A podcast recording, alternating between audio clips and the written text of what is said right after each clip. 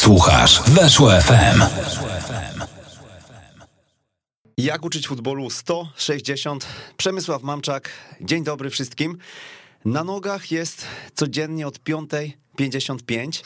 Spać chodzi w przerwach meczów Ligi Mistrzów. Pomimo zasad, według których od lat żyje, odnajduje się dobrze w piłce, bo po sukcesach w barwach GKS-u Bełchatów e, przeniósł się do innego GKS-u, do GKS-u Tychy. Artur Erbin. E, dzień dobry, trenerze. Dzień dobry, przede wszystkim dziękuję za zaproszenie i bardzo mi miło za ten wstęp. Trenerze, to o co chodzi z tym wstępem i o co chodzi z 5.55? Wytłumaczmy. A więc y, wstaję sobie tak wcześnie, po prostu, bo już polubiłem to przede wszystkim. Natomiast to jest też taki czas dla mnie, czas na pewne takie przemyślenia. Bierze się to też stąd, z takich badań naukowych, że mózg po prostu jest y, w tym momencie mm, na najwyższych obrotach i czasami zdarza się tak, że pod podejmuje w tym czasie takie strategiczne decyzje. Tutaj mogę też się podeprzeć takimi, mm, może nie przykładami, ale takimi sytuacjami, gdzie po zakończonym treningu rozchodzimy się z trenerami, mamy wszystko przygotowane, ale zaznaczam sobie, słuchajcie, może się coś zmienić jutro rano, w zależności od tego, jak wstanę, co się przyśni, mm, bo czasami sobie po prostu daję taki rozkaz do mózgu, kładąc się spać. Jutro mam mieć gotową odpowiedź na jakieś e, zagadnienie. I często tak jest, że w, przy tej porannej yerbie o tej porze m, mm, takie odpowiedzi odnajduję. To który w takim razie Artur Derbin chodzi spać? Zapytajmy, skoro tak wcześnie wstaje. Okej, okay, zanim jeszcze może do tego dojdę, o której chodzę spać, to jeszcze ważna rzecz akurat y, w tym momencie, bo skąd się wzięło też 5.55. Y, tu akurat kiedyś padłem na taki kanał um, Fryderyka Karzełka, który budzi y, ludzi o 5.55. To jest niesamowity, wartościowy program i kiedyś wstawając wcześniej rano włączyłem sobie odbiornik telewizyjny bądź radiowy mm, i tam taki przekaz e, niekoniecznie optymistyczny, jak dobrze wiemy o sytuacji na świecie, jest e, mnóstwo takich e, kwestii, które niekorzystnie wpływają na naszą jakby podświadomość, na sztok myślenia. Natomiast akurat przełączając się na ten program Fryderyka Karzełka można naprawdę wiele wartościowych treści dla siebie mm, otrzymać i tak pozytywnie nastawionym rozpocząć y, każdy dzień. Mm, oprócz tego, wstając tak wcześnie rano, człowiek się nie stresuje, człowiek się nie śpieszy nigdzie, może spokojnie pokonać drogę do pracy, może być miły i uprzejmy, bo w tym czasie może ktoś szybko e, jechać, śpieszyć się po prostu, można miło mm, wpuścić kogoś e, takiego autem przed siebie mm, i wykonać jakby dobry gest e, w tą stronę. Więc tak zaczynam dzień dzień i od razu to pozytywne nastawienie chciałbym e, przenosić na współpracowników e, i ludzi, z którymi pracuję. Natomiast o której chodzę spać i Tutaj e, odpowiadam już od razu, że to jest przed godziną 22 i to też jest potwierdzone mm, naukowo badaniami, że o tej porze mózg e, regeneruje się najlepiej. Dlatego każdy dzień staram się układać e, sobie tak, żeby o tej porze już być w łóżku. I może to nie jest jakieś modne, mm, raczej na pewno, bo też rozmawiając z piłkarzami i tłumacząc im nawet, że sen to jest najtańsza forma regeneracji, no to sobie przypominam Wspominam też czasy młodości, że ciężko mi było mm, o tej porze kłaść się do łóżka, bo przecież życie jest takie piękne, należało je wykorzystywać. Ale co ciekawe, do tego snu też trzeba się przygotować i w jaki sposób się przygotować do snu. A więc y, w moim przypadku to jest tak, że wysiłek fizyczny niemalże każdego dnia, no i oprócz tego praca, którą jak zdajemy sobie sprawę, bo słuchają nas trenerzy, jak to jest obciążająca praca, jakie stresy mm, przy tym wszystkim nam towarzyszą. Dlatego też e, to wszystko powoduje, że na koniec dnia, biorąc jeszcze mm, książkę do ręki, oczy same się zamykają i to powoduje, że do tego snu jesteśmy przygotowani. No, nietypowy e, wstęp. Ja jestem e, zwolennikiem tego podejścia związanego z e, mądrym balansowaniem i niejednokrotnie tutaj powtarzaliśmy, czy wyciągaliśmy takie praktyki, bo bo w naszym środowisku chyba utarło się, że jednak ten trener pracocholik, tak mówiąc w cudzysłowie, no to jest trener, który osiąga sukcesy. No ciekawie, właśnie wcześniej też miałem takie podejście i wydawać by się mogło, że im więcej y, pracy, tym więcej sukcesów, ale w tym wszystkim, tak jak mówisz, że trzeba odnaleźć ten y, balans y, i ja też potrafię się odciąć od pewnych rzeczy, też potrafię mm, funkcjonować y, w tym stresie, mm, znając y, wcześniej jakby sposoby na to. I tym sposobem y, chociażby jest właśnie to, co wspomniałem, bieganie, odpowiednie pójście do łóżka mm, po to też właśnie, żeby odzyskać tą energię, bo nie ma naprawdę nic gorszego. Tutaj słyszałem też e, wypowiedź Piotka Tworka, który też mówił, że nie ma nic gorszego niż taki trener e, bez energii. I to Łukasz Smolarow e, chyba. Ja myślę, że to już to każdy trener ma u siebie na tapecie. Nad, nad biurkiem słyszałem, że wisiał ten cytat. Jasne, oczywiście, bo nie możesz dać komuś 100 złotych jak tych 100 zł nie masz. I podobnie z tą energią, że nie dasz komuś tej energii, jak sam jej nie posiadasz, więc trener musi z tą energię skądś czerpać i pewnie taki pracocholik mm, takiej energii e, nie będzie mógł znaleźć w sobie.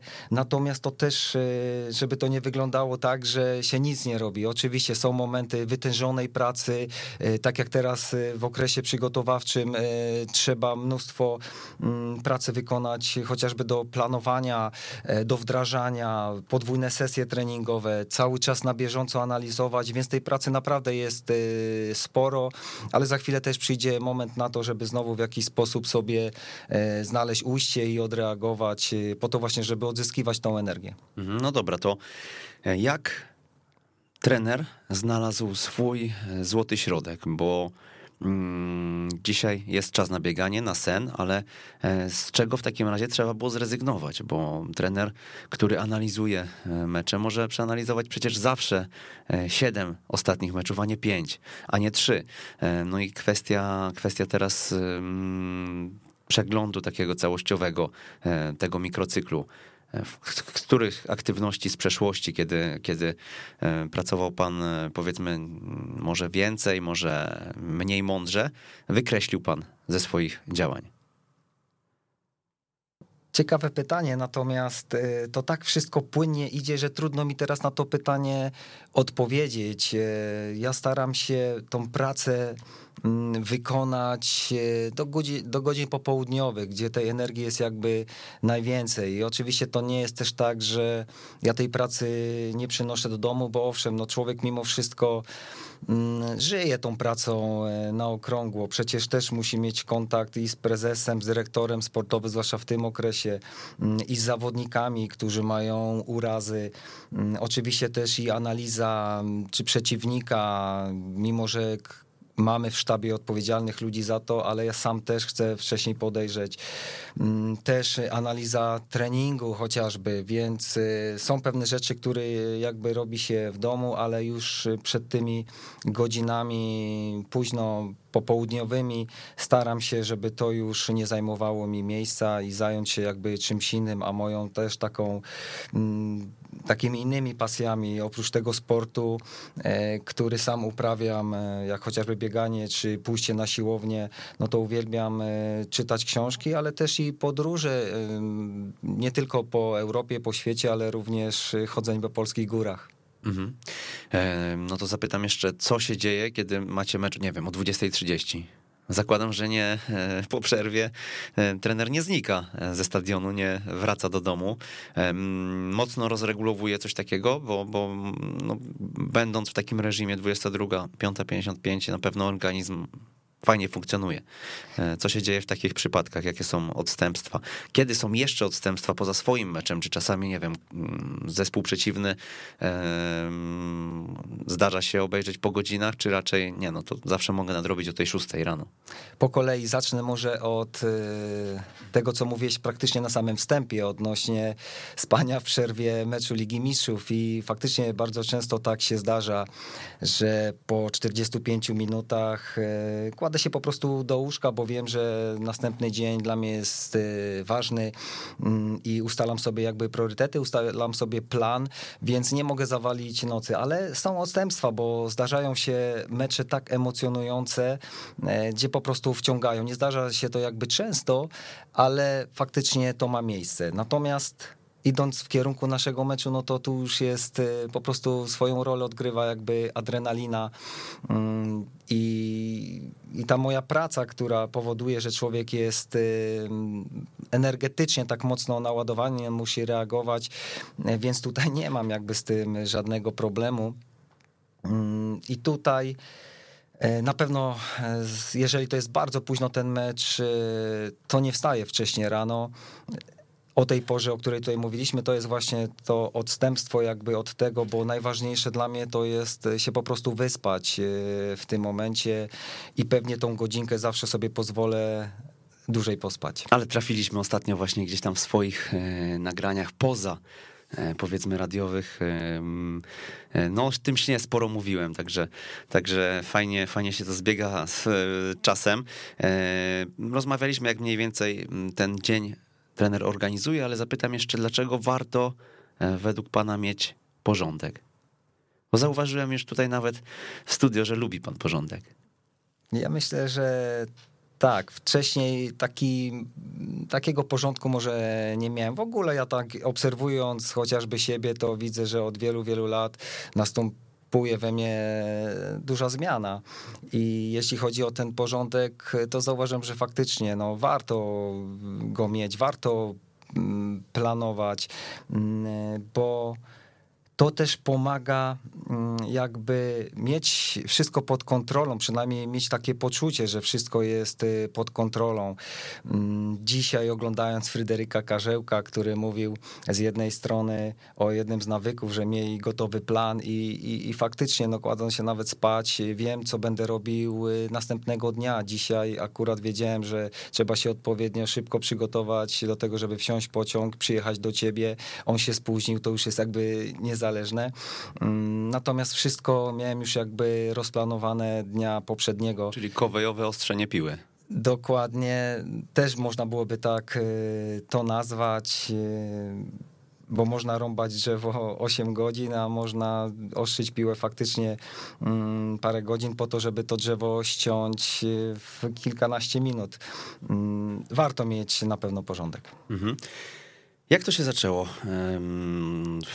Perspektywie lat, gdybyśmy się cofnęli i gdybyśmy pomyśleli o takiej przygodzie już profesjonalnej z trenowaniem, kiedy nastąpił moment, że trener Artur Derbin wskoczył na karuzelę? Kiedy wskoczyłem na karuzelę? Najpierw bym musiał pewnie mm, powiedzieć o tym, że rozpoczynałem swoją karierę trenerską jeszcze za czasów, gdy czy nie uprawiałem piłkę nożną jako zawodnik już e, niższych e, lig. I pierwszym tym klubem, gdzie to miało miejsce, był Beskid Andrychów. E, tam dostałem grupę żaków, dwunastoletnich, zdaje się, chłopaków. I w tym momencie gdzieś rozpocząłem jakby tą swoją przygodę z trenerką. Myślę, że jako debiutant mogę powiedzieć, że chyba to nieźle wyglądało z racji tego, że gdy odchodziłem, to pojawiły się łzy u tych chłopaków. To też świadczyło o tym, że lubili ze mną przebywać, lubili się bawić tą piłką nożną w moim towarzystwie i to mi tak dało trochę do myślenia, że mm, mogę mieć też taki korzystny, pozytywny wpływ y, na dzieciaków i tak sobie pomyślałem, że w następnym klubie, którym być może będę grał, i tak się też faktycznie stało. Też może będzie szansa na to, żeby podjąć pracę mm, z młodymi adeptami. Tak się stało, potem była kolejna grupa i jeszcze jedna grupa. To tylko powiem tyle, że to nie były jakieś wielkie akademie, oczywiście, to były bardziej grupy, które były jakby reaktywowane. Mm, natomiast e, przyszedł też taki moment e, w Unii Dąbrowa Górnicza, gdzie wiedziałem, mm, że odchodzi jako trener, z posady trenera mój kolega Robert Stanek, e, wtedy będąc na wakacjach, zastanawiałem się, co ze sobą zrobić, czy dalej kontynuować grę w niższych ligach. Ja też odniosłem taką poważną kontuzję mm, jako zawodnik w Zagłębiu Sosnowiec, natomiast e, kontynuując tą e, przygodę z piłką, zastanawiałem się, czy to nie byłoby teraz odpowiednie, wykorzystując tą sytuację i podjąć się pracy jako trener już w drużynie seniorskiej. Więc wykonałem telefon do kolegi, on z kolei do prezesa mm, Unii Dąbrowa mm, odezwał się do mnie i tak e, płynnie przeszedłem e, do drużyny piątoligowej. Mówię płynnie, bo z zawodnika przechodzę już y, jako grający trener. To była moja pierwsza praca mm, jako trenera, ale w roli również y, jeszcze i zawodnika. Mm, następnie nie będę już opowiadał kulis, jak tam było też, albo inaczej, może faktycznie opowiem. Z racji tego, że tu był kolejne dla mnie fajne, ciekawe doświadczenie. E, po pierwsze, że nam naprawdę bardzo fajnie poszło, zwłaszcza w pierwszej rundzie. Nikt na nas jakby nie stawiał, podchodzili zawodnicy, mm, graliśmy zawodnikami, którzy w poprzednim sezonie mniej grali, a co się okazało, że naprawdę byliśmy blisko mm, tych miejsc, które walczyły o awans. Natomiast runda rewanżowa nie była taka ciekawa, to za sprawą tego, że mm, prezes poinformował wszystkich, że niestety budżet jest mniejszy i tym samym musi obniżyć koszta zawodnikom, więc zawodnicy w tym samym czasie poodchodzili. Nie zostaliśmy w żaden sposób y, wzmocnieni. Przegrywaliśmy mecze tak bardzo skromnie, po 1-0 w ostatnich minutach. To wynikało oczywiście z problemu jakościowego bardziej. Ja patrząc na tą sytuację zrezygnowałem. Kilka kolejek do końca zrezygnowałem, mimo że nie zagrażało nam e, żadne żaden spadek, e, bo tych punktów narobiliśmy tyle w poprzedniej rundzie, że mogliśmy z powodzeniem e, w ten sposób dalej rywalizować, ale mi to już nie odpowiadało. Mm, natomiast potem miałem taki żal do siebie, że zrezygnowałem. Dlaczego nie podjąłem tej walki do końca? I to było pierwsze dla mnie też takie doświadczenie, że ostatni raz nie podjąłeś e, wyzwania do końca. Następnym e, moim klubem e, i też idąc tak płynnie, to już był klub na szczeblu centralnym, Zagłębie Sosnowiec. E, tam byłem asystentem u trenera Kmiecia, następnie u trenera Smyły i w późniejszej kolejności u trenera Szukiełowicza. Następnie już jako ten, który był pierwszym trenerem w Zagłębiu Sosnowiec mm, i tutaj też bardzo ciekawe doświadczenie, bo bo to była pierwsza już taka mm, praca, mimo że wcześniej pracowaliśmy w takim trio trenerskim e, jeszcze w drugiej lidze z Robertem Stankiem właśnie, z Tomkiem Łuczywkiem. Następnie zrobiliśmy awans do pierwszej ligi i tam z kolei już e, jakby przesunięte zostało na mnie mm, ta rola pierwszego trenera. Zagłębie Sosnowiec to takie miejsce, gdzie chyba nie jeden trener rozpoczynał, prawda? Marcin Jaroszewski, prezes, lubi dawać szansę młodym, widzi e, w tych młodych coś więcej niż inni prezesi. Jak, jak to trener ocenia? Ja myślę, że fakty tutaj y, mówią same za siebie, bo chociażby pokazał mnie światu. Mm, za chwilę jako młody trener był Jacek Magiera. Kolejnym młodym y, trenerem był Darek Dudek. Krzysztof Dębek też I, na pewno. I dokładnie. I jeszcze Krzysiu Dębek, także tutaj prezes Jaroszewski na pewno nie bał się stawiać na młodych ludzi, natomiast też wymagał i tutaj też zdradzę takie pewne kulisy. Mm, podczas meczu półfinałowego w Pucharze Polski z Krakowią Kraków. Pierwszy mecz przegraliśmy u siebie 2-1 i na drugi mecz jechaliśmy na mecz rewanżowy mm, do Krakowa. I no, co ciekawe, chyba coś się mi przyśniło wtedy, bo pamiętam, że e, dzień przed meczem miał grać w tym meczu rewanżowym mm, jeszcze jeden z młodzieżowców. Natomiast już na drugi dzień zmieniłem tą decyzję, mm, bo skoro mamy tam jechać grać o marzenia, o półfinał, y, więc y, pomyślałem, że no nie możemy, bo nie możemy w ten sposób postąpić, bo drużyna odczyta ten sygnał nie tak jak należy. Skoro gramy o marzenia, dlaczego ma zagrać mm, młody chłopak, który jeszcze nie miał takiego doświadczenia. Przecież oni też grają po to, żeby w takich meczach e, zaistnieć, więc to sobie przełożyliśmy na inny termin, ale w trakcie dojazdu do stadionu jeszcze miałem telefon od y, prezesa, który wypytywał o skład i mu podałem, że zmieniłem w stosunku do wczorajszego muszę wam powiedzieć, niesamowitą burę dostałem. Mam nadzieję, że prezes Jaroszewski nie obrazi się, że teraz zdradzam te szczegóły. Natomiast y, no trochę mi się dostało. No co ty będziesz grał o finał? Być może po prostu nie dowierzał, że jesteśmy w stanie, bo przypomnę, że Krakowia wtedy była niesamowicie mocna, zwłaszcza u siebie. Tam drużyny ekstraklasowe wyjeżdżały z kwitkiem i to po 3-5-0. Mm, ale skoro są takie marzenia, więc chcieliśmy o to zawalczyć i ewentualnie reagować podczas meczu. Co ciekawe, ten mecz wygrał wygraliśmy 2-0, znaleźliśmy się w półfinale Pucharu Polski. To była wielka niespodzianka w tamtym okresie.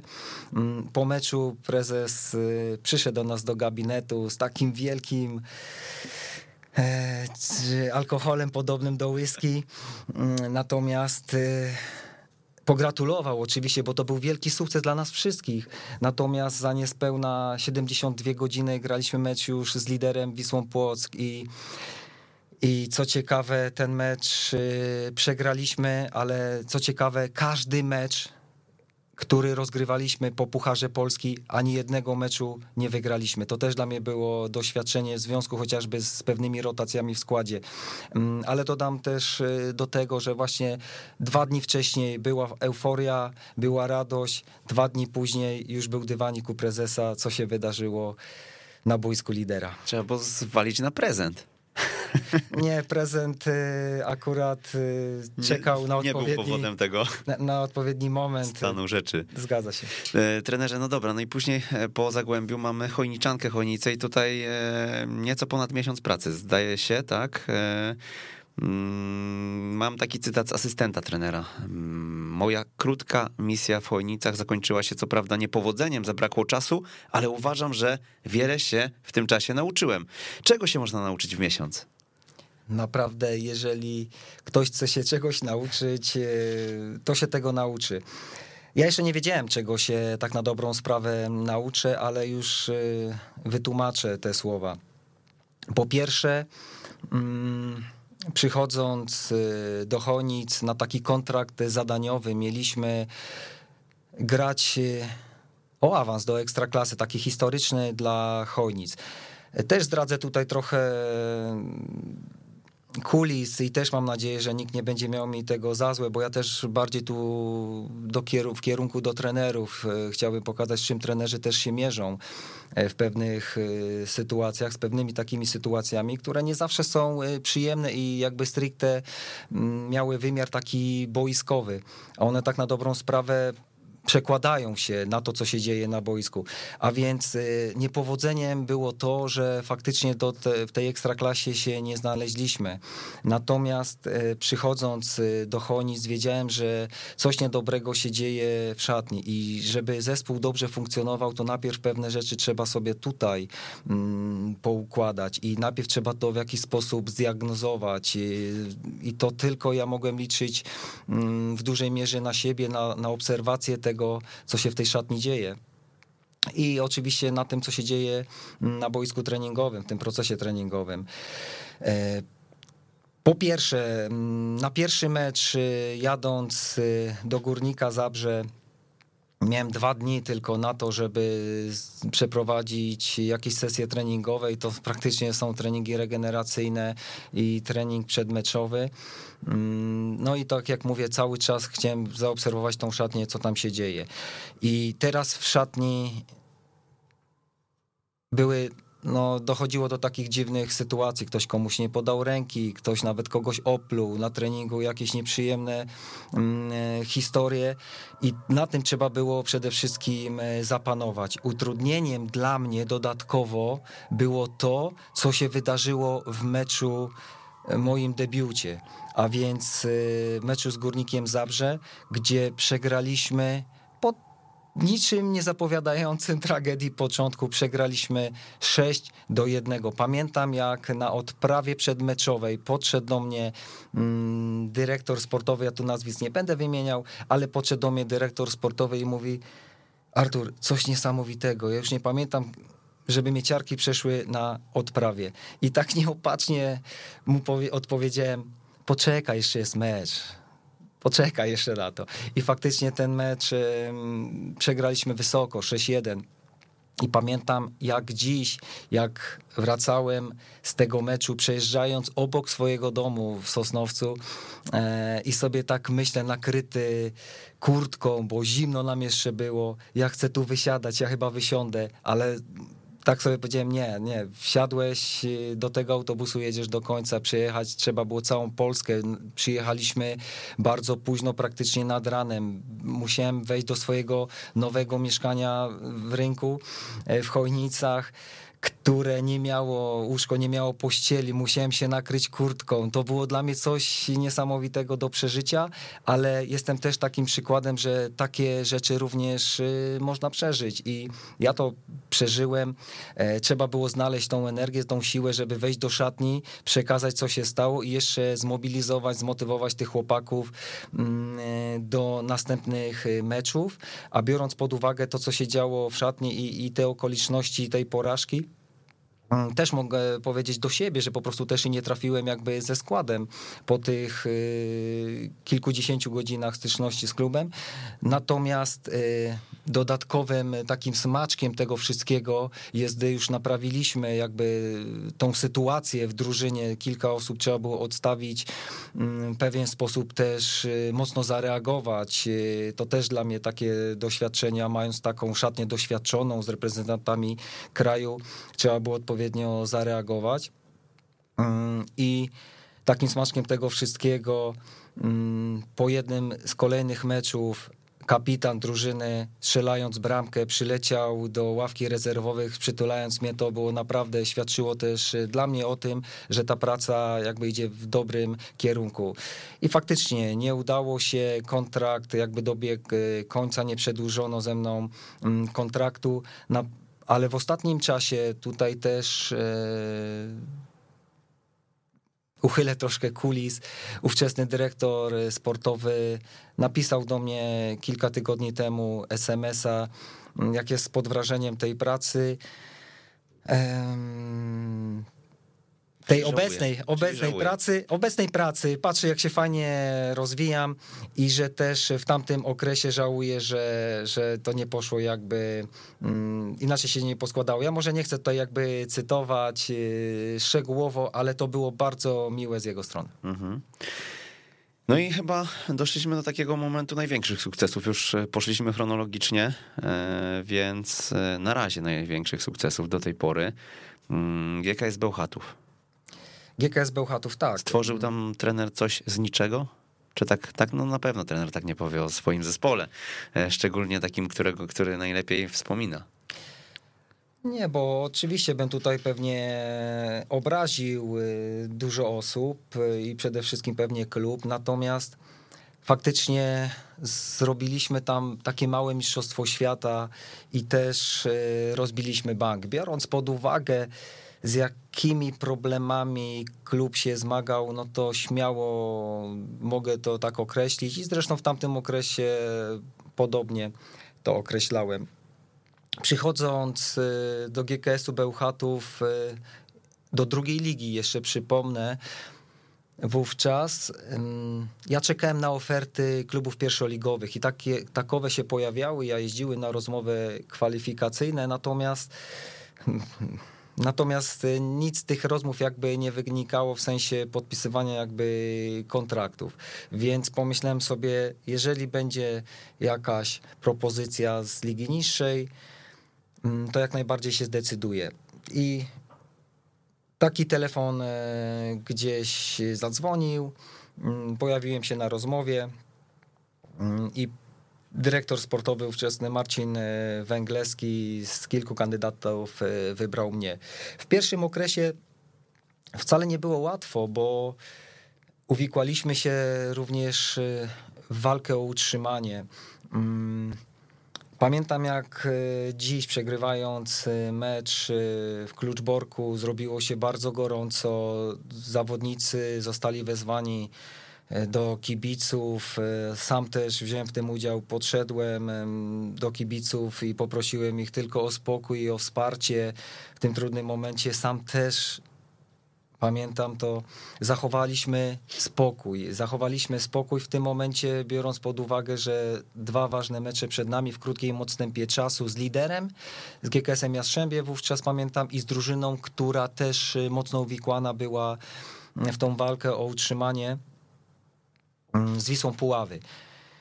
Co ciekawe, te dwa mecze wygraliśmy. Tym samym y, w tej lidze się utrzymaliśmy i następny sezon kolejne zmartwienia doszły, a mianowicie minus dwa punkty przede wszystkim na starcie mm, przy rozpoczęciu zmagań ligowych. Oprócz tego budżet zmniejszony około 30%. Y, poodchodzili y, zawodnicy, pamiętam też taki najwartościowszy Piotr Giel, najlepszy strzelec naszej drużyny, mm, Marcin Garuch, y, więc kilku takich zawodników znaczących odeszło i w to miejsce tak na dobrą sprawę musieliśmy korzystać z wychowanków. I tutaj taka była filozofia klubu również, żeby pracować z tymi młodymi ludźmi. Mm, oczywiście no, trzeba było to robić, wdrażać jak najszybciej y, ten proces, y, przyspieszać z tymi młodymi chłopakami. Mm, oprócz tego szukaliśmy jeszcze jednego zawodnika na pozycję 10. Y, takiego zawodnika znałem, Patryk Mularczyk, który też był notabene młodzieżowcem. Nie za bardzo klub chciał przystać na to i taka dżentelmeńska umowa, tutaj też zdradzę znowu kulisy, dżentelmeńska umowa, że Patryka będę traktował, żeby nie zabierał miejsca jednemu z naszych wychowanków, więc jego traktowaliśmy jakby seniora. Znając tego chłopaka, wiedziałem, że sobie poradzi i faktycznie mm, tak było. Nie mieliśmy nominalnego napastnika też w tym okresie. E, co ciekawe, Bartek Bartosia, który nominalnie boczny pomocnik, z niego tutaj zrobiliśmy mm, napastnika. I tutaj e, przy naszej takiej pracy mocno skupiliśmy się znowu na organizacji gry w defensywie i taką mm, rodziną atmosferą, takim y, klimatem odpowiednim do tego. Sami sobie stwarzaliśmy presję, sami gdzieś się mocno nakręcaliśmy do tego, żeby zrobić coś wielkiego w tym mieście, w tym klubie. Nie mówiliśmy tego na głos, żeby nie narażać się po prostu na śmieszność, bo jak klub z takimi problemami, zaczynając od minus dwóch punktów jeszcze w dodatku, e, może o czymś takim e, myśleć, czy o czymś w ogóle pomarzyć. A my akurat e, szliśmy w tym kierunku. I na koniec y, mogliśmy się cieszyć z tego upragnionego awansu. Mhm. E, poznaliśmy już z dużymi szczegółami tą drogę, e, drogę trenera, ale padło tam takie jedno zdanie, które ja też mam w notatkach, e, bo kiedy myślimy o trenerze Derbinie, myślimy albo mówimy o dobrej organizacji gry w defensywie. Na czym ta dobra organizacja gry w defensywie konkretnie polega? Przede wszystkim uświadomić e, drużynie, tak jak większość drużyn już e, gra na świecie, a więc za tą organizację w defensywie odpowiada cały zespół. I tutaj cały zespół trzeba zaangażować e, do tego, żeby, żeby bronił. Mm, ta organizacja gry w defensywie, tak na dobrą sprawę, to rozpoczyna się już w momencie jeszcze gdy mamy piłkę i w momencie straty tej piłki, a więc y, reakcja po stracie, te tak zwane gegenpressing i, i to tutaj już y, zaczynają się jakby pierwsze działania, czyli ten moment, gdy już tej piłki nie mamy. Ja bym oczekiwał od swojego zespołu i, i, i faktycznie tego oczekuję, żeby te, mm, ten czas poświęcić, zaangażować się po tej stracie na odzyskanie piłki. Mm, I to jest ten pierwszy, pierwszy moment. No i oczywiście jeszcze są te momenty, gdy już jakby pracujemy mm, na swojej połowie, gdy tej piłki nie mogliśmy jakby odzyskać, e, przeciwnik uciekł, e, najczęściej to bocznym drugim sektorem. To, to zatrzymam, zatrzymam i okay. zapytam o, o jeszcze wejście właśnie e, w trochę większe szczegóły. Atakujemy przeciwnika po stracie zawsze, czy e, jest dla nas jakiś sygnał, e, że jednak tego ataku e, dokonać nie powinniśmy? Mm, to jest pytanie pierwsze. A drugie, w którym momencie odpuszczamy presję i ten pressing po stracie i obniżamy? atakujemy zawsze po stracie. Mm, chciałbym, żeby taka reakcja miała miejsce i akurat y, ja wykorzystuję te narzędzia w postaci analizy i zawodnikom bardzo często za takie zachowania zostają pochwały. Oczywiście y, zdarzają się momenty, gdzie nie jesteśmy w stanie tej piłki odebrać. Przeciwnik bardzo dobrze radzi sobie mm, z tą wyjścią spod presji, mm, ale do momentu, gdy jesteśmy jeszcze w stanie, gdy mamy tą możliwość, nie wypuścić przeciwnika z tego danego sektoru albo naganiając go w ten boczny sektor, mm, zamykamy mu te przestrzenie mm, na to, żeby doprowadzić do sytuacji, że popełni błąd, że tą piłkę przede wszystkim możemy odzyskać, mm, albo zagrywają długim podaniem do przodu. Jeżeli to się nam nie udaje, Mm, i przeciwnik y, ucieka drugim sektorem, no to wtedy następuje już ten moment y, odbudowy ustawienia i wracamy wówczas na, na swoją połowę. Kto wraca na swoją połowę? Wszyscy, czy, e, czy jest tutaj jakaś zasada, która definiuje nam, kto zostać powinien przy e, przeciwnikach, czy, czy, czy w jakiś inny sposób zareagować? Ja preferuję zasadę gramy wysoko albo nisko i unikamy takiej obrony średniej, więc y, i mówiąc wcześniej o tym, że cały zespół y, broni, e, czyli również wymagam tego od y, zawodników 9-10 do tego, żeby wracali na swoją połowę i zamykali jakby swoje przestrzenie, które mają mm, muszą jakby zabezpieczyć e, w tym naszym sposobie grania. E, i to jest, y, to jest jakby kluczowe. Kluczem, y, taką ważną zasadą również jest ta zasada kompaktowości, y, zasada mm, zasada struktury też, bo tak ten kompakt nam pomaga i w obronie wysokiej, i w obronie niskiej. W obronie wysokiej pomaga nam do skoku jakby tego pressingowego mm, i ten moment wychwycić. E, i, i, nie pozwala przez to przeciwnikowi grać przez środek po to, żeby mógł sobie za chwilę mógł rozgrywać tą piłkę jak chce. E, więc to jest y, kluczem, jak również. Priorytetem jest zablokować środek. Dokładnie, tutaj zamykamy jakby możliwość grania między strefami, bo tutaj ma przeciwnik jakby największe możliwości do tego, żeby później kontynuować swój atak, więc to jest priorytetem.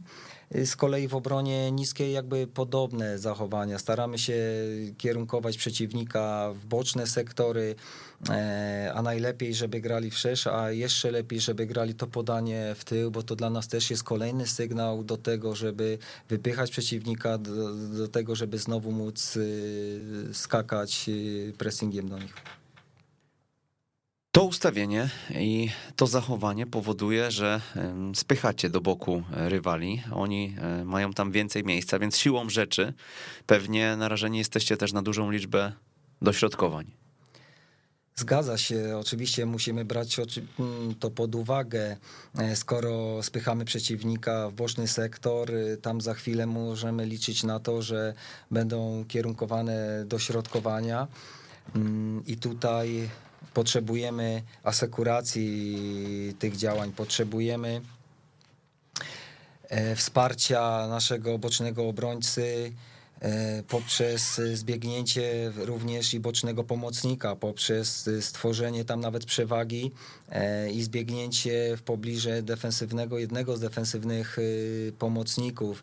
I tutaj też jest taka sprawa mentalna, jakby zachęcanie zawodników do pewnych poświęceń o blokowaniu dośrodkowań, o blokowaniu też szałów. Y, kiedyś mówiłem, że mamy tak blokować, jak przypominacie sobie, kiedyś pewna stacja blokowała transmisję siatkarzy. Oczywiście tak y, pół żartem. Mm, natomiast y, właśnie ten czynnik mentalny tutaj odgrywa dużą rolę, bo takie chociażby rzucanie się często pod nogi, zawodnikom, którzy próbują oddać, przeciwnikowi, który próbuje oddać strzał, no to tutaj to jest jakby ciężkie do wytrenowania, natomiast takie sytuacje się pojawiają i one też wytłuszczamy je często w analizach, pokazując właśnie o tym poświęceniu, bo bardzo często mm, to pozwala nam osiągać y, korzystne wyniki. Mhm. E, interesuje mnie jeszcze ten moment blokowania dośrodkowań, bo rozumiem, że wtedy boczny obrońca, gracie czwórką e, obrońców, więc boczny obrońca wychodzi do dośrodkowującego po to, żeby przyblokować e, jego zagranie. Co się dzieje z pozostałymi w linii i kto wspiera też ewentualnie tego bocznego, kiedy mamy na przykład, nie wiem, sytuację 2 na 1?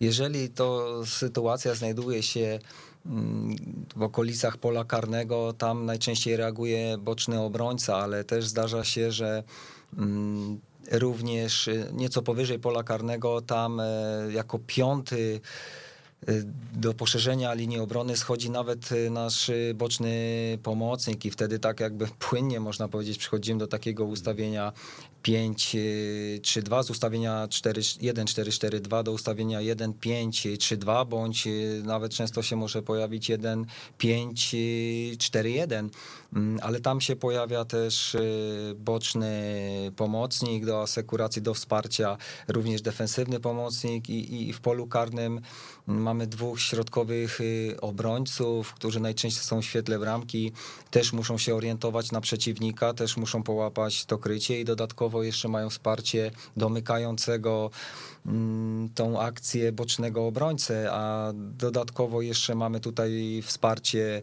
jednego z defensywnych pomocników y, i, i często jest też również zawodnik, y, on, dziesiątka, nasz ofensywny pomocnik, który również bierze udział w bronieniu. Najbardziej wysuniętym zawodnikiem często wtedy jest y, dziewiątka, który, bo to też chciałbym, żeby to nie wynikało tylko z tego, że to jest to tak zwana obrona Częstochowy, bo naszym tutaj głównym zadaniem, jak w każdej książce, to jest odbiór piłki i tutaj też mocno kierunkujemy się na atak szybki I stąd też e, dobór odpowiednich e, zawodników do takiego grania, bo to jest też duży wysiłek, e, jak już mówiliśmy, mentalny, ale też i fizyczny, żeby takiego obrońcę, mm, pomocnika, przepraszam, bocznego, który schodzi nisko do wsparcia, do pomocy, musi też często odbierać piłki i za chwilę on ma się odnaleźć w kontrataku. Natomiast no właśnie dobieramy sobie takich zawodników, którzy będą o takich predyspozycjach, którzy są w stanie wykonywać tego typu działania. Mhm. Unikamy obrony średniej, takie e, zdanie pan wypowiedział. Dlaczego? Przykład, e, jeżeli możecie, to proszę bardzo zachęcam do straconej naszej bramki z Sandecją Nowy Sącz, takiej słabszej współpracy w tym momencie 9-10, gdzie pozwoliliśmy środkowemu pomocnikowi wejść e, pomiędzy linię e, i potem już w prosty sposób e, zagrać za naszą linię obrony. Tak straciliśmy w bardzo prosty sposób, taki naiwny wręcz, bramkę z Sandecją Nowy Sącz. Mm, no to powoduje po pierwsze, że jest więcej tych przestrzeni dla przeciwnika, w tych sektorach y, centralnych, y, natomiast y, największe zagrożenie jest za linią obrony. Tam jest zdecydowanie za dużo przestrzeni i my chcemy po prostu tego unikać, a biorąc pod uwagę specyfiki pierwszej ligi, mm, próbując nawet grać skokami pressingowymi, no to mocno też zakładamy na to, że ta gra jest często bardzo bezpośrednia i takimi no nie będę tego nazywał prostymi środkami, ale takim zagraniem za linię obrony naprawdę może wiele złego zrobić, bo Przypominam sobie też y, taką wypowiedź kiedyś Jurgena Kloppa. Też nie będę przytaczał z kim grali, natomiast y, wynikało z tej rozmowy to, że przeciwnik dzisiaj zmusił ich do tego, że nie, nie potrafili generalnie wychodzić spod presji krótkimi podaniami, więc y, w dużej mierze musieli grę uprościć i grać za linię obrony. I co ciekawe, jeżeli to mówi trener, stopu, najlepszy trener na świecie, to to jest ok. Jeżeli to czasami sobie myślę, mówią polscy trenerzy, że to podanie, które jest e, owszem bezpośrednie, po, z pominięciem drugiej linii, to u nas już mówię, że się tą piłkę kopie, ale jest jeszcze jeden taki warunek. Możemy zagrać tą piłkę, ale ale dajmy wsparcie też napastnikowi. E, boczni pomocnicy w tym momencie grają właśnie, są tymi zawodnikami, którzy wydłużają pole gry, a do wsparcia podchodzą zawodnicy ze środka pola, czyli 6-8. Czyli reasumując, e, nie chce trener podejmować tak zbędnego ryzyka w tym średnim bronieniu. Po pierwsze, rozwarstwiając linię obrony od e, pomocy i tam zostawiając zbyt dużo miejsca. Po drugie, e, no podchodząc w tym momencie mm, za wysoko, można e, przeciwnikowi otworzyć drogę do bramki właśnie za swoimi już plecami, za linią ostatnią. Zgadza się. To są właśnie te dwa takie zagrożenia, które bierzemy e, pod uwagę. Natomiast to też są takie momenty mm, stosowane po to, żeby dać trochę wytchnienia drużynie mm, i przygotowania się jakby do następnych działań taktycznych. Czy to jest zbiór zasad gry w obronie, w ataku, z którym pan przychodzi zawsze do klubu, czy od czego zależy e, to, od czego zaczyna pan właśnie pracę? To wszystko zależy od tego, z kim się pracuje. Natomiast e, mimo wszystko trener największy wpływ ma na organizację gry w defensywie i też kiedyś słyszałem bardzo fajną taką opinię, zdanie Piotra Stokowca, który wypowiadał się, że to tutaj akurat y, trener ma największy wpływ, a za to, co się dzieje w trzeciej strefie, trzeba po prostu zapłacić w postaci kupna zawodników odpowiedniej jakości. Mm. Mówimy już w strefie finalizacji, tak? Tak jest, zgadza się. Hmm.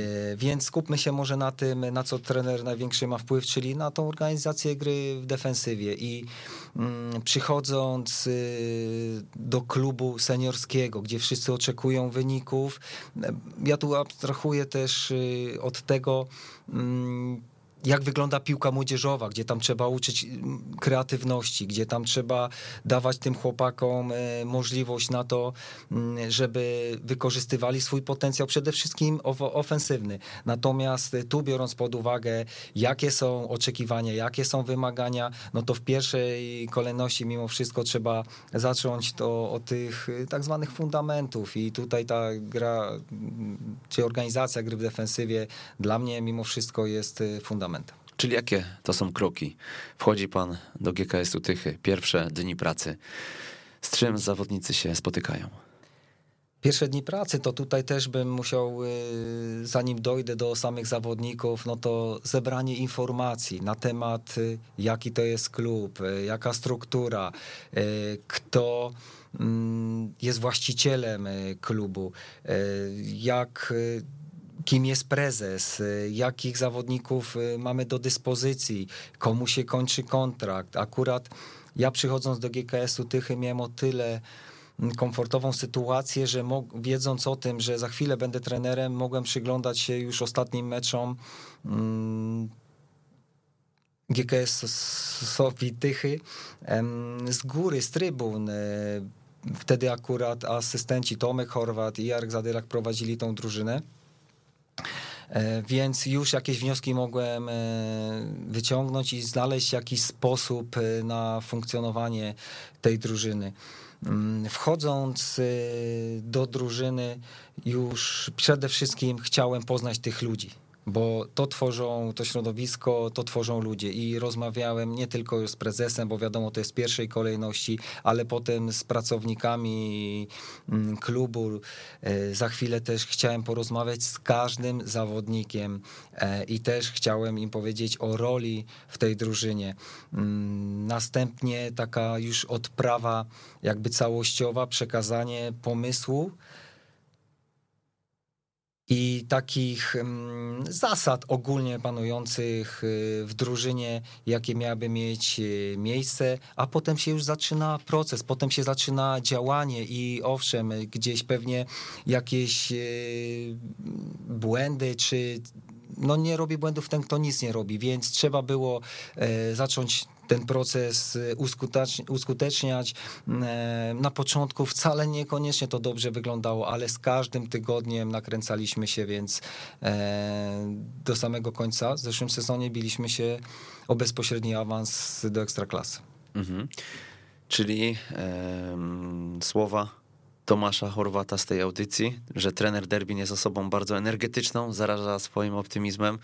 E, też możemy, możemy tutaj odnieść do tych pierwszych dni, tych spotkań chyba z zawodnikami. Tak trener zarażał optymizmem, czy, czy, czy, czy jakie na to sposoby były? Myślę, że tak faktycznie jest, bo ja też y, nie chcę marudzić i to nie jest też tak, że ja nigdy nie marudzę, że ja nigdy się nie wściekam, bo jestem też tylko człowiekiem i takie momenty słabsze też mi się przytrafiają. Staram się tego nie kierunkować jakby na zawodników. Mm, szukam e, tej energii, chcę tym zawodnikom to dawać, ale mm, budując jakby ten team spirit, budując e, ten klimat, mm, to z jednej strony to wychodzi też e, tak spontanicznie, natomiast też zawodnicy sami oddają wiele od siebie i to, to mi też w, tym, w tej pracy pomaga, bo tak jak wspomniałem wcześniej, z tych wcześniejszych doświadczeń, najważniejsze to jest zdrowa szatnia i nad tym przede wszystkim e, pracować, żeby przejść jakby dalej do tego procesu treningowego, do tych środków treningowych, mm, do tego, żeby drużyna funkcjonowała, no właśnie potrzebujemy tutaj zdrowych relacji. Mhm. Zastanawiam się jeszcze nad tym wątkiem wdrażania swojego pomysłu taktycznego na zespół, bo mm, w Polsce często się mówi, że trener wchodząc do drużyny zaczyna od obrony, bo ta obrona jest łatwiejsza. Łatwiejszy jest e, do dostrzeżenia efekt e, tej pracy e, nad właśnie grą w defensywie. Rozumiem, że też tak to ma miejsce u pana i, jeszcze jakbyśmy weszli właśnie w jakiś szczegół, od czego w tej obronie się zaczyna, żeby mm, zobaczyć jak najszybciej, że coś faktycznie się zmieniło. Też takie zdanie tutaj padło i trener, trener Tomek mówił, że no po przyjściu do GKS-u gra w obronie poprawiła się znacząco. Tak, w GKS-ie zostałem e, zatrudniony jakby w kilku, z racji kilku punktów jakby do poprawy. Przede wszystkim najpierw pierwszym tym punktem do zrealizowania to była i jest w dalszym ciągu walka o awans do ekstraklasy. Drugim e, z tych punktów e, mm, jest poprawa gry w defensywie GKS-u Tychy.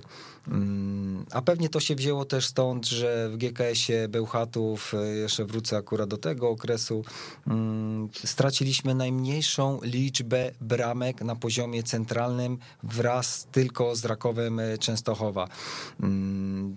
I idąc y, w konkrety, to zeszły sezon GKS-u Tychy mm, y, również skończył się, że byliśmy mocno w czubie, albo chyba na, jedną z najlepszych drużyn, która straciła najmniej bramek i to jest właśnie ten konkret i bez jakiegoś uszczerbku, tak na dobrą sprawę większego, na ofensywie.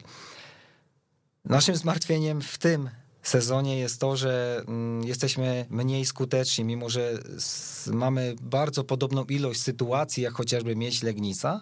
Natomiast y, razi mm, ta statystyka po stronie skuteczności. I owszem, no, najważniejsze właśnie to co, to, co mówiłem, zaczynając właśnie ten e, proces e, treningowy, bo to ja jakby odpowiadam tutaj za, mm, za tą grupę, formację mm, zawodników w defensywie i zaczynaliśmy od formacji, przechodząc do całego zespołu. Mm, potem szliśmy gdzieś mocno w szczegóły. Mm, natomiast z kolei idąc w kierunku ofensywy, tym zajmowali się akurat moi asystenci.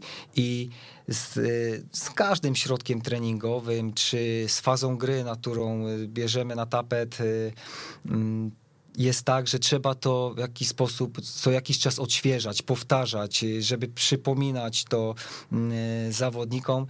I faktycznie, że w tamtym okresie bardzo dużo e, środków treningowych, które przede wszystkim e, gdzieś akcentowaliśmy skoki pressingowe. E, potem, jak już to dopracowaliśmy, przechodziliśmy do obrony niskiej. Tutaj było już o tyle prościej, że przede wszystkim namówiliśmy zawodników do tego, jakie korzyści mamy z tego, gdy bronimy się całym zespołem.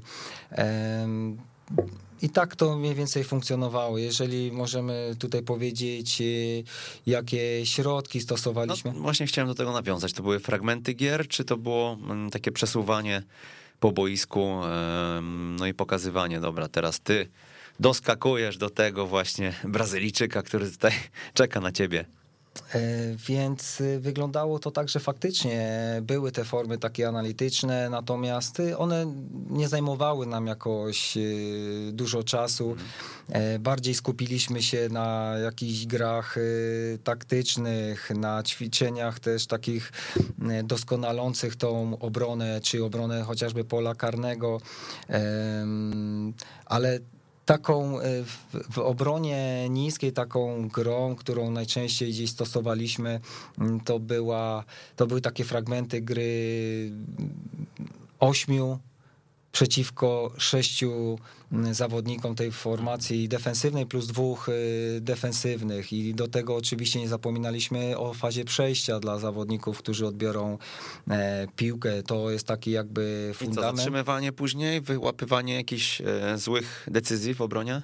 Zgadza się. Asekuracji, braku Zgadza się tutaj, światło bramki? Tak, tutaj przede wszystkim e, zwracaliśmy uwagę w zależności co chcieliśmy, czy tą współpracę 6-8 e, i, i zajmowanie tych przestrzeni, wypełnianie tych przestrzeni, które pojawiały się między środkowym obrońcą a bocznym obrońcą, e, czy też właśnie na obronę pola karnego, czyli tam z kolei mm, doszukiwanie się, jak należałoby kryć zawodnika w polu karnym, ale do tego też nam dochodziła, mm, jeszcze raz do tego wrócę, mm, analiza wideo, która jest niezbędna do tego, żeby, żeby tutaj zobrazować y, zawodnikowi.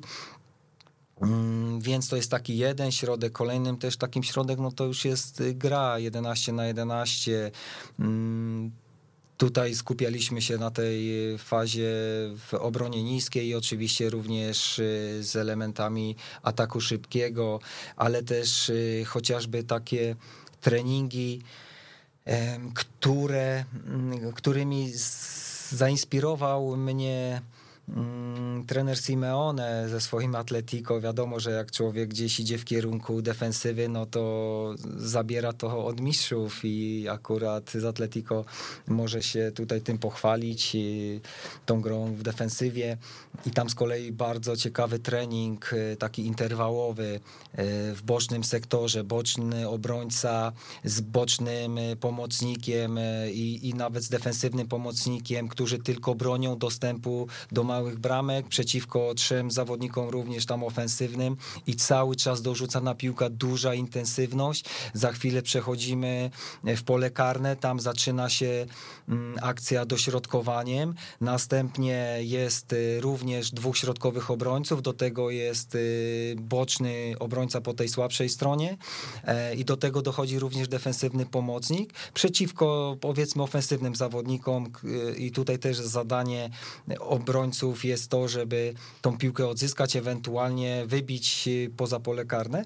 I jeszcze dodatkowo trzeba byłoby przenieść znowu kolejny wycinek, sektor na środek boiska. Tam z kolei e, zawodnicy, obrońcy muszą utrzymać się przy piłce, natomiast napastnicy muszą odebrać i mają możliwość finalizowania bramki. Bardzo ciekawy trening też interwałowy do wykorzystania również takiej jednostce, takiej motorycznej.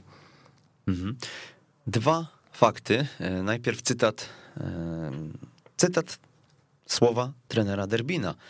E, z dziennika Sport jako Beniaminek drugiej ligi, takie wspominki. W drugiej kolejce sezonu 2000-2001 pojechaliśmy na mecz ze Spadkowiczem z Ekstraklasy Lechem i na jego boisku wygraliśmy 2 do 1. W 33 minucie wyprowadziliśmy kontrę, którą zakończyłem podwyższeniem prowadzenia. Można to zobaczyć w internecie i myślę, że pokażę to zawodnikom GKS-u Tychy jako przykład wzorcowego ataku szybkiego. Z przyjemnością się patrzy na to, jak po odbiorze piłki w środku boiska i zagraniu przez Rafała Baszczyńskiego przebiegam 50 metrów, wpadam w pole karne i stawiam kropkę nad i. E, no widać z jakim, tutaj mm, pozytywem e, wspomina pan właśnie e, tę sytuację. No i druga kwestia, sparring z Piastem Gliwice w czasach pracy z GKS-em Bełchatów jeszcze.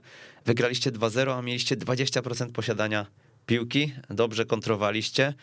No i teraz pytanie po takich sytuacjach, których pan doświadczył, po takim, e, po takim właśnie, po takim piłkarskim wzorcu, który się gdzieś pojawił po drodze, najpierw na boisku jeszcze jako piłkarz, a później e, już jako trener, chyba trudno się nastawić na atak pozycyjny.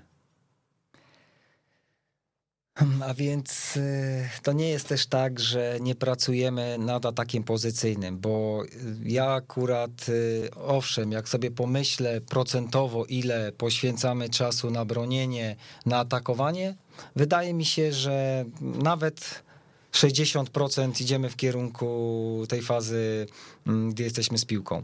Natomiast y, też chciałem dodać, że właśnie pracujemy mocno kompleksowo, mm, bo akurat też mi się wydaje, że ta piłka idzie tak gdzieś w tym kierunku takiej też i bezpośredności. E, jak jest taka bezpośredniość, to z kolei mam wrażenie, że jest mniejsza kontrola nad graniem, więc poprzez takie mm, fazy, czy gramy wysoko, czy gramy nisko, możemy gdzieś w pewnym stopniu zachować jakby e, tą kontrolę. Mm, owszem, ten mecz z Piastem Gliwice, jak sobie przypomnę, no to było coś nieprawdopodobnego, żeby mieć mieć taki procent, ale przypomnę, takie mecze się zdarzają. Już taki sławetny mecz y, Celtic z Barceloną mm, który też zakończył się zwycięstwem Celticu, mm, to tutaj podobna sytuacja miała miejsce. Dużo przy piłce, dużo sytuacji sobie może nie wykreował, ale nie pozwoliliśmy na wiele akurat na wykreowanie tych sytuacji Piastowi i Gliwice, a sami strzeliliśmy dwie bramki, też się złapałem za głowę, ale ten mecz pomógł mi w jakiś sposób nad y, procesem mm, budowy tej drużyny, bo to był mecz kontrolny tuż przed rozpoczęciem się mm, zmagań ligowych. Tak na dobrą sprawę, jak potem przyglądaliśmy się temu, co się wydarzyło, my zrobiliśmy awans, a Piast Gliwice w tym okresie zdobył Mistrzostwo Polski, to też miał swoją wymowę, ale na podstawie tego meczu mogłem e, w jakiś sposób mobilizować zawodników, że przy takiej wytężonej pracy, przy takim nastawieniu, poświęceniu w defensywie jesteśmy w stanie w ten sposób e, rozstrzygać mecze. To ale szczerze, ja naprawdę jako trener też cierpię poza boiskiem, patrząc y, jak drużyna zmaga się w tej obronie niskiej. Też wolałbym, żeby zdecydowanie częściej była na połowie przeciwnika, ale to też to, jak wygląda przeciwnik, determinuje naszą postawę na boisku. Chciałbym, żeby tak było. Takie mecze w e, pierwszej lidze się zdarzają, że to my częściej jesteśmy przy piłce mm, i też chcemy wykorzystać te swoje atuty w ataku e, pozycyjnym, ale też e, na takie zespoły jak ŁKS, jak Arka Gdynia, którzy mają, czy nawet Mieś Legnica, którzy mają w swoich szeregach zawodników bardzo kreatywnych na tym poziomie rozgrywkowym, no to trzeba znaleźć sposób i tym sposobem właśnie będzie taka mm, gra, co niektórzy ją nazywają pragmatyczna, ale ona przede wszystkim musi być skuteczna. Mhm. A ja zapytam, czy w takim razie jest łatwiej się nastawić na kontry. E, wiem, że tu upraszczam mocno, no bo ta gra w defensywie to też jest przecież faza e, nie mniej istotna niż gra w ofensywie, natomiast czy dzisiaj właśnie biorąc pod uwagę poziom piłkarski w Polsce, szczególnie no nawet jeszcze nie w ekstraklasie, ale na zapleczu, czy w drugiej lidze, biorąc pod uwagę, że ten poziom najwyższy nie jest i, e, i zawodnicy błędy po prostu popełniają im niżej są, tym częściej. E, czy właśnie biorąc to pod uwagę, gdzie jesteśmy dzisiaj, nastawienie na atak pozycyjny i próby gry w piłkę, mm, opierając się na tym, że po prostu bezbłędnie wyjdzie nam jakiś tam dłuższy fragment, e, nie mają zbytnio sensu, a jednak czekanie na błąd przeciwnika i, e, i, i cierpliwość właśnie w tym zakresie, mądre ustawienie niżej, daje efekt? Nie wiem, czy to będzie łatwiejsze. Mm, wcale to przyjemne nie jest, o ile jest skuteczne w działaniach, czyli odbiór, y, kontratak, jeszcze zakończony y, bramką, to jak y, najbardziej tak. Natomiast każdy zawodnik chciałby być cały czas przy piłce, chciałby grać do przodu, ale są momenty w meczu, są momenty trudne, gdzie trzeba wybronić, gdzie przeciwnik ma ostatnie minuty, prowadzi, przegrywa 1-0, musi odrabiać nie, no, straty. Sytuacyjne sprawy tak, to innego niż ogólne podejście, nie? Tak, dokładnie. Natomiast też ja tutaj mówię o ilościowej e, tej obronie, prawda, mówiąc o tej asekuracji, chociażby tych bocznych pomocników, ściągając jeszcze niżej, mm, ale też e, oczekujemy też jakościowej obrony, bo też mieliśmy tutaj z tym e, problem, zwłaszcza z młodymi zawodnikami, których wkomponujemy, tutaj też na nich trzeba zwracać uwagę, chociażby dobieg do przeciwnika, to też sławetne nie na raz, ale faktycznie to się pojawia u, u naszych zawodników i tutaj też skupiamy uwagę na to, żeby przy takich indywidualnych indywidualnych bardziej treningach już niż zespołowych, chociażby no, taki dobieg e, na wyhamowanie, odpowiednie złapanie dystansu, skrócenie tego dystansu, odpowiednie zaatakowanie, na to też mocno zwracamy uwagę, e, ale wiedząc, że to jest gdzieś nasza mocna strona, to takich rzeczy się nie obawiamy, ale trzeba gdzieś drużynę do tego nastawić. Oni też muszą ten sposób grania pokochać wręcz y, i, i nastawić się na takie poświęcenie. Kto dzisiaj w sezonie 2021-2022 gra najlepszą piłkę w pierwszej lidze? Bez względu na walory wizualne, najlepszą trenera Derbina zdaniem. Ja myślę, że. GKS Tychy, to na pewno, ale kto drugi? GKS Tychy pretenduje na ten moment, natomiast y, mam takie odczucie, że jest to myśl Legnica. Mm, a to z racji tego, że ja widzę, jak oni zmienili sposób grania. Oni w tym sezonie grali już y, w ustawieniu 1-3-4-3 od y, pewnego czasu grają w ustawieniu 1-4-3-3, mm, ale jak wcześniej do zauważenia za poprzednich trenerów y, Mieś Legnica bardziej starała się utrzymywać przy piłce, e, budować te ataki krótkimi podaniami, to teraz e, widać taką kompleksowość w tym zespole. Wiedzą, w którym momencie zagrać krótkim podaniem, ale tam nie ma też takich momentów zastanawiania się, jeżeli trzeba właśnie uskutecznić to długie podanie za linię obrony na tam mają ciekawego zawodnika Makucha, który jest w stanie siłowo powalczyć, utrzymać tą piłkę e, i szybka też i mobilność zawodników, którzy dają momentalnie wsparcie i przenoszą szybko granie na połowie przeciwnika. Z kolei na połowie przeciwnika też zawodników kreatywnych, którzy potrafią rozmontować niejedną obronę. Czyli duet Wojciech Łobodziński, Radosław Bela radzi sobie, e, radzi sobie na zapleczu Ekstraklasy świetnie. Pozdrawiamy z tego miejsca, a zapytam, gdzie się e, trener gdzie się trener dokształca, bo słyszę o Atletico, słyszę tutaj o, o fragmentach e, wczoraj Real, tak, był oglądany. Są, są, są co chwilkę jakieś inspiracje z zewnątrz. Na poziomie tej pierwszej ligi podpatrujemy siebie nawzajem, podpatrujemy taką właśnie miedź i tam szukamy inspiracji, czy jednak na topie, e, gdzie, gdzie można to znaleźć? Kto szuka, ten znajdzie i inspirować się naprawdę można wszędzie.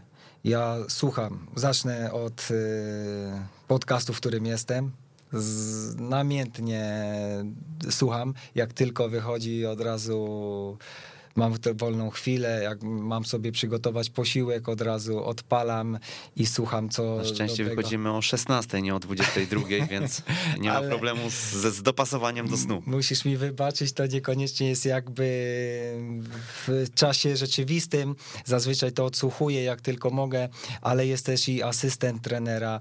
Są różne publikacje. W internecie jest wiele możliwych rzeczy. Dodatkowo mm, rozmowy takie rozwijające z trenerami, e, podglądanie tak jak e, wspomniałeś, tutaj dzisiaj sobie rozmawialiśmy, dawno nie widziałem Realu Madryt, dzisiaj sobie zerknąłem na mecz, e, zdaje się finał Pucharu Króla z Athletic Bilbao mm, i sobie myślę, kurde, jak oni bardzo też e, pragmatyczny sposób e, grają, albo również wysoko, albo nisko. Jeżeli nie złapią przeciwnika po odbiorze, po stracie, przepraszam, e, również odbudowa do ustawienia na swoją połowę, też również bez jakby tej obrony średniej. Mm, 20 minut tak sobie zerknąłem na to. Mm, W tym, w zeszłym roku, przepraszam, byłem na stażu, wykorzystując fakt, że graliśmy w Pucharze z Wisłą Kraków, e, poznałem się z Adrianem Gulą, mm, wprosiłem się do niego na staż, podglądając e, jak pracuje z Wisłą Kraków. Mm, Też mam kilka staży w, w międzyczasie w polskich klubach u polskich trenerów. Byłem też na stażach zagranicznych w Osasunie, Pamplona, La Liga kilka lat temu, dwa lata temu przy pomocy też Artura Boruca. Tam La Liga mi pomagał, jeszcze dodam tylko Piotrek Kurman i, i, i Jan Kurman pomagał mi w tym, żebym tam mógł się znaleźć. Z kolei tutaj w Bormów jeszcze w Premier League, e, tu mi pomógł dużo Artur Boruc. Mm, Bardzo fajne też e, wnioski z tych stażów, Mm, ale tak jak mówię, u polskich trenerów również e, można wiele dobrego wyciągnąć. To jaki zespół e, jest takim wzorcem, e, do którego najbliżej, e, najbliżej panu? To s- mm, Atletico Simeone, czy jednak e, jest coś jeszcze? Jest coś jeszcze. Ja generalnie wzorowałem się jeszcze dwa lata temu bardziej na lidze holenderskiej, na Ajaxie, ustawienie 1, 4, 2, 3, 1. Ono, tak zaczynałem tutaj pracę też w GKS-ie Tychy, natomiast to uległo jakby też e, modyfikacji, bo też były takie próby w tej fazie defensywnej grania e, piątką e, w obronie. Mm, Były takie momenty. Natomiast y, ta liga holenderska, mm, taka też bezpośrednia, y, też y, cały czas presja na przeciwniku z piłką. Mm, Z kolei w ostatnim okresie przyglądam się na to, jak prezentuje się Bayern Monachium. Mm, I tutaj też e, to, co wyprawiają, że się tak wyrażę, w defensywie, aż miło popatrzeć na to, jak e, napastnik Robert Lewandowski, jak pracuje w defensywie, jak próbuje zamykać e, tą szóstkę. Mm, No to to jest coś niesamowitego. Najlepszy piłkarz na świecie, zaangażowany w pracę w defensywie. Mm, To też warto pokazywać zawodnikom, że takie sytuacje mają miejsce. Mm, Też y, tutaj za naszą granicą też mocno tak się zrobiła taka gra, taka bezpośrednia holenderska. Trener Gula też, z którym rozmawiałem, też y, Wiśle proponuje takie rozwiązania, czyli cały czas presja na przeciwniku, cały czas y, wysokie odbiory, mm, e, kosztem jakby nawet tego, co się może wydarzyć. Liczą oczywiście na te swoje wariacje ofensywne mm, i swoje atuty w ofensywie.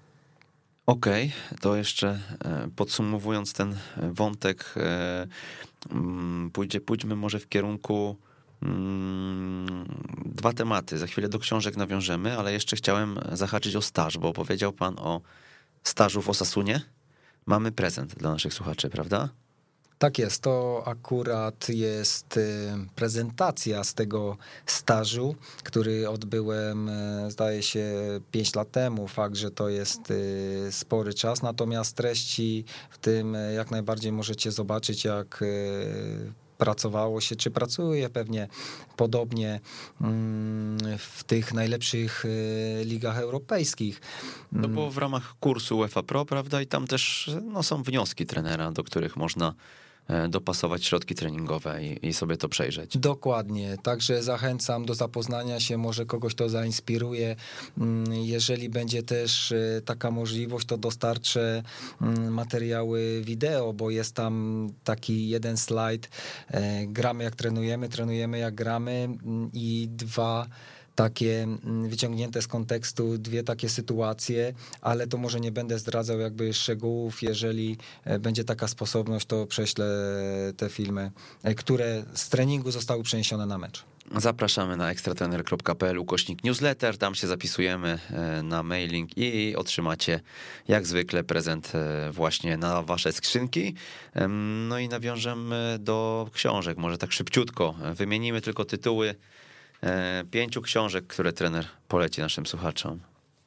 A więc tak, ja bardzo lubię czytać e, książki mm, i muszę was tutaj zaskoczyć, że praktycznie ani jedna pozycja nie będzie miała związku jakby z piłką nożną stricte, mm, bo tutaj nie będę mówił o, biografiach jakby znanych trenerów, bo myślę, że każdy z trenerów e, powinien e, z takimi pozycjami się zapoznać, jakie doświadczenia każdy z trenerów ma za sobą. Natomiast mm, ja jako bardziej pierwszy trener, który gdzieś ma do czynienia z, w dużej mierze z zarządzaniem i pewnie macie podobnie, niezależnie czy to pracujecie też i jako pierwszy trener, czy jako asystent, czy być może mm, jako trener grup młodzieżowych, to myślę, że to są mm, takie lektury, e, które też mnie w pewien sposób kształtowały i pierwszą z nich to jest e, siedem zasad skutecznego działania mm, Stevena Coveya.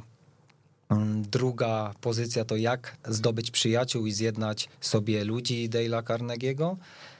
Trzecia to mm, nawyki warte milionów Briana Tracy'ego.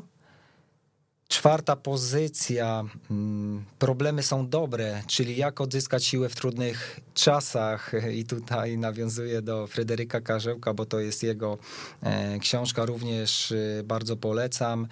I Ostatnia z tych pozycji jest to mm, aktualnie, którą czytam. E, jestem gdzieś w połowie, jest znakomita. Odkładałem ją, bo zawsze coś, jakaś inna książka stawała mi na drodze. Natomiast jest to 11 pierścieni e, Phila Jacksona Hugh de la Henty, jeżeli dobrze przeczytałem. Mm, naprawdę znakomita pozycja. Jako dziesięciolatek miał pan, miał pan e, taką historię, na swojej drodze spotkał pan taką historię, że e, można mm, zapytać, czy ona odbiła się na tym, jak postrzega, postrzegał pan dalsze życie. Historię mrożącą krew e, w żyłach zachorował pan na wirusowe zapalenie mózgu. Tak? No, gdzieś tam w wywiadzie dla przeglądu sportowego śmiał się pan, że lekarze tyskiego szpitala. Tam pana wyciągnęli z tego, wykonali kapitalną pracę, natomiast no, pan się musi zrewanżować w takim razie kibicą poprzez awans z GKS-em, ale, ale tak poważnie, gdybyśmy nawiązali do tego tematu, jak pan wspomina takie, takie właśnie chwile Dramatyczna chwila, nie ma co mówić. Ja tak na dobrą sprawę z tamtego okresu za wiele jakby nie pamiętam. Natomiast y, no, byłem cztery dni nieprzytomny i prognozy nie były ciekawe. Natomiast y, tak jak mówisz, y, szpitale, w szpitalu w Tychach lekarze stanęli na wysokości zadania mm, i dzięki nim tutaj z tobą mogę rozmawiać. Natomiast pewnie jako młody człowiek wtedy jakby nie wyciągał tych wniosków. Po drodze też pojawiały mi się i kontuzje, jakieś problemy, z którymi się zmagałem. Pojawiła się też y, arytmia. E, no właśnie, Miałem... połamane e, kości, prawda? E, to było za czasów jeszcze gry w Zagłębiu Sosnowiec. Później problemy sercowe, powiedzmy sobie tak tutaj pół żartem, pół serio, ale mm, no, okazem zdrowia pan nie był, trzeba przyznać. Właśnie nie wiem, czy nie byłem okazem zdrowia, bo kiedyś trener o mnie się wypowiadał tren, y, zawodnik o żelaznych płucach. Y, może nie byłem jakimś technicznym zawodnikiem, ale tutaj charakteru nie można było mi odmówić.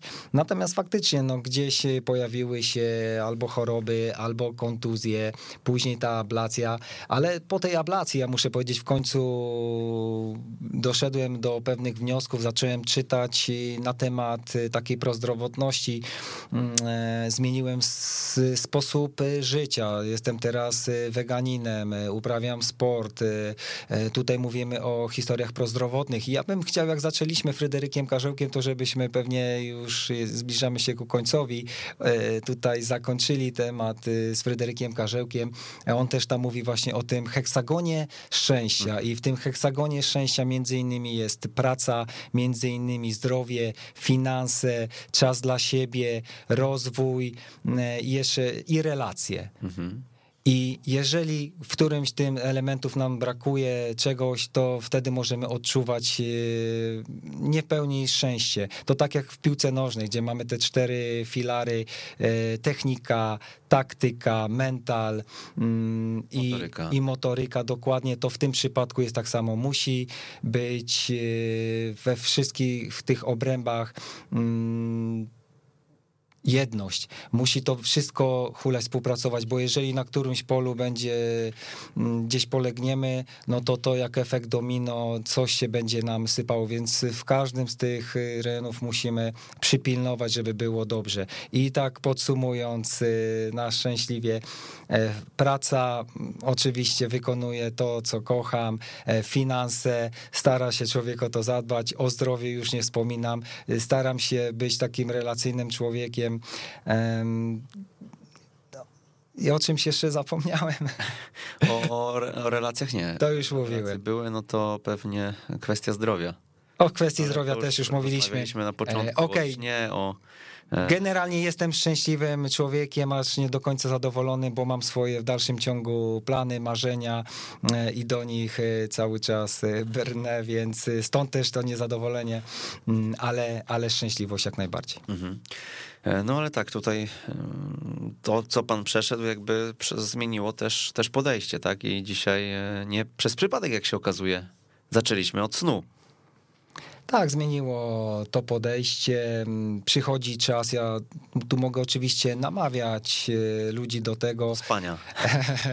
Do tego, żeby byli szczęśliwi. Nie jest to takie żeby proste. szukali tego szczęścia. O, tak, zgadza się.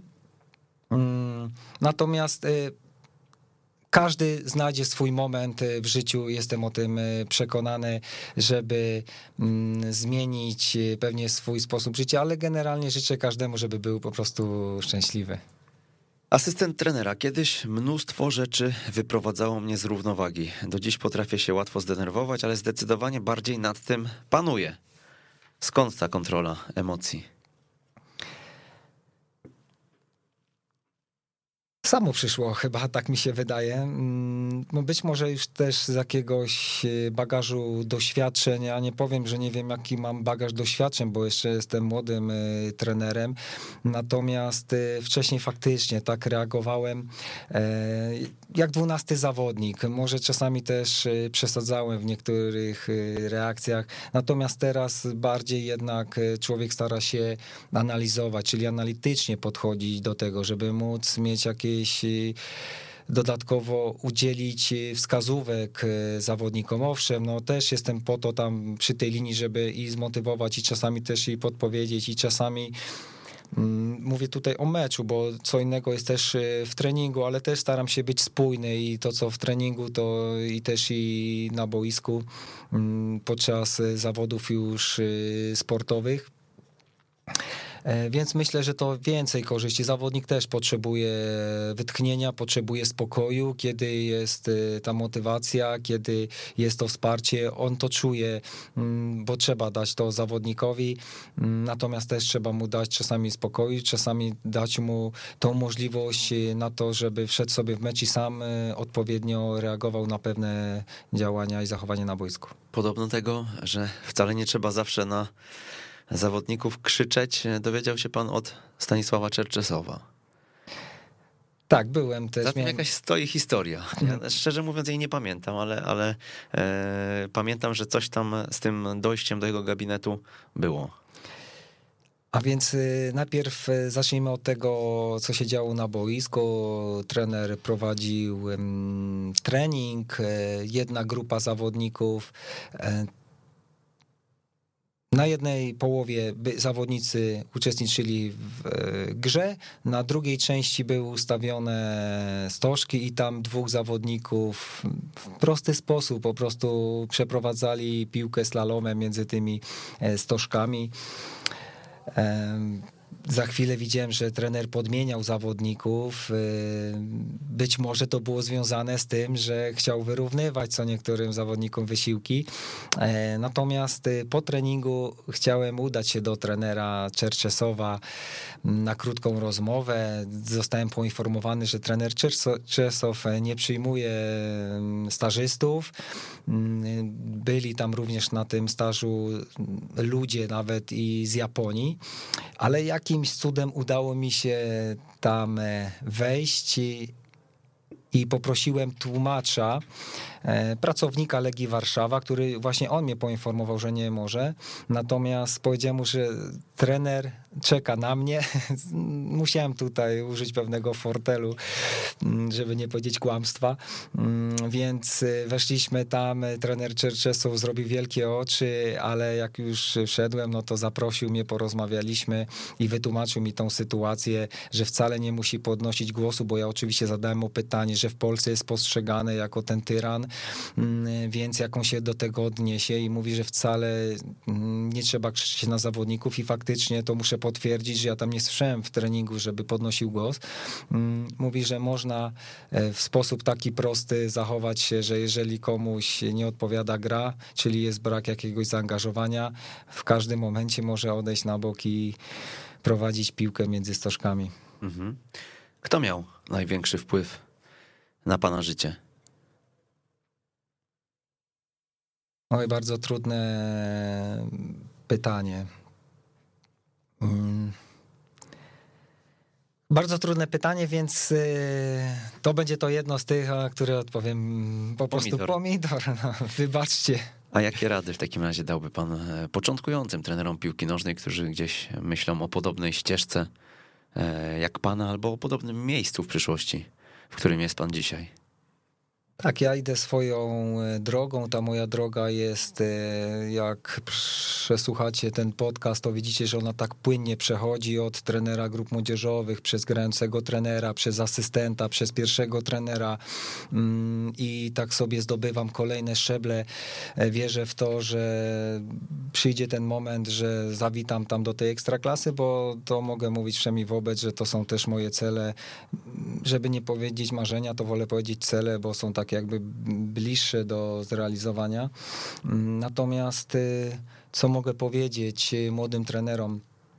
Przede wszystkim, żeby byli otwarci na wiedzę, przede wszystkim, żeby mm, rozwijali się, ale też, y, żeby pozostali przy tym wszystkim y, sobą, y, co najważniejsze, bo to też nie chodzi o to, żeby kopiować różnych trenerów. Ty musisz znaleźć swoją tożsamość i powiem szczerze, że pewnie ja też w dalszym ciągu szukam swojej tożsamości, ale ona ma być spójna też i z moim charakterem, o tym, jak się zachowuję na co dzień i tego z tym wam jakby zostawiam i szukajcie rozwoju, mm, bądźcie też przy tym wszystkim e, wytrwali. Nie poddawajcie się tak, jak ja się poddałem przy swojej praktycznie pierwszej pracy, ale już wiemy, że tego błędu nie popełnię. Warto walczyć do końca o swoje marzenia. Inspiruje się pan Fryderykiem Karzełkiem, więc pewnie cele na rok 2022 gdzieś tam są opracowane. Czego życzyć na ten e, nowy rok? Utrzymania tego, co jest, bo trzeba być wdzięcznym jakby za to, co do tego momentu człowiek osiągnął. Wiadomo, że patrząc y, na to, jak sytuacja wygląda, to, to zdrowie, ale zdrowia to w każdych okolicznościach y, można, y, można sobie życzyć. I oprócz tego realizacji celów, które sobie człowiek zakłada. Tutaj już o jednym z nich, takim celu zawodowym powiedziałem, ale mam też kilka takich y, prywatnych, o których tutaj nie ma potrzeby mówić, ale faktycznie one mm, są zapisane i każdego dnia staram się realizować wszystkie te cele, przynajmniej się do nich zbliżać. Od 5.55 rano. E, tego, Nie życzymy, inaczej. tego więc życzymy trenerowi. Trener Artur Derbin, trener GKS-u Tychy był gościem 160 odcinka Jak uczyć futbolu. Dziękuję ślicznie. Ja również dziękuję, e, Przemysław Mamczak i do usłyszenia za dwa tygodnie. Słuchasz Weszło FM. Weszło FM.